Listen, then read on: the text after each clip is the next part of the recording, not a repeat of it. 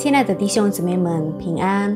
很高兴我们今天又能够在一起聆听神的话语，也一起思想神的话。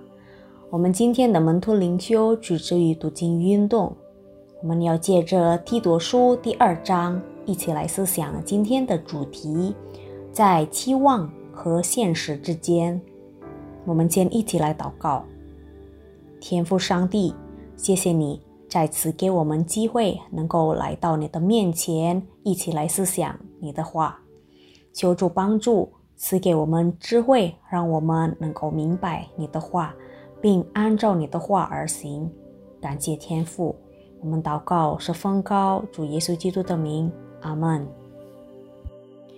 当布迪的父亲带他去梦寐以求的参观时，布迪多么的高兴！父亲允许布迪点他喜欢的任何食物。布迪立即看看食谱，并指出他认为可口而且津津有味的食物的图片。但是上菜之后，他感到非常失望。不期然而然，所看到的饭菜与他所想象的不适合，所上的菜与图片不相符。分量很小，而且最让他失望的是，食物淡而无味。希望与现实往往适得其反，这就是在克里特岛基督徒生活中所看到的。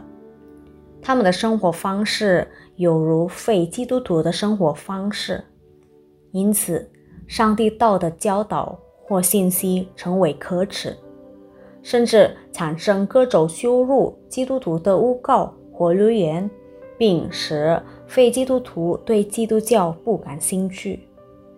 在本章中，使徒保罗要求提多传开适于真理教义的教导，以及不妥协当地的文化，保持基督教心性的人格，不论是老年男女、少年妇人、少年人。包括仆人，使徒保罗传达给提多的事非常重要，因为基督徒的生活方式必须基于上帝的恩典，通过耶稣基督在十字架上的牺牲而拯救，并使我们重生。基督想要他的子民热心为善，圣灵将关教和赐力量给每一个信徒。教训我们除去不敬虔的心和世俗的情欲，在尽施自守、公义、敬虔度日。愿每个基督徒总是依靠圣灵，以便他们全体生活里时刻荣耀和体现基督的品格和上帝话语的真理一致。因此，基督教能对不信者拥有吸引力。基督徒也得众民的喜爱。我们祷告：主啊，求你赦免我，就像克里特岛的基督徒，我们的生活方式也是如此。今天你提醒我们，作为基督徒，我们应该献出善行的榜样，因为你已经为我们舍了自己，救赎了我们，脱离一切罪恶，使我们清洁。主啊，求你帮助我，让我们能够依靠你，使我们的生活里能够时时刻刻的荣耀你的名，并通过我们更多的人认识你。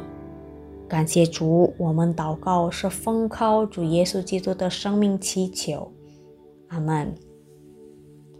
愿我们每一个基督徒总是依靠圣灵，以便我们全体生活里。时刻荣耀和体现基督的品格。祝福大家有美好的一天。耶稣爱你，我也爱你。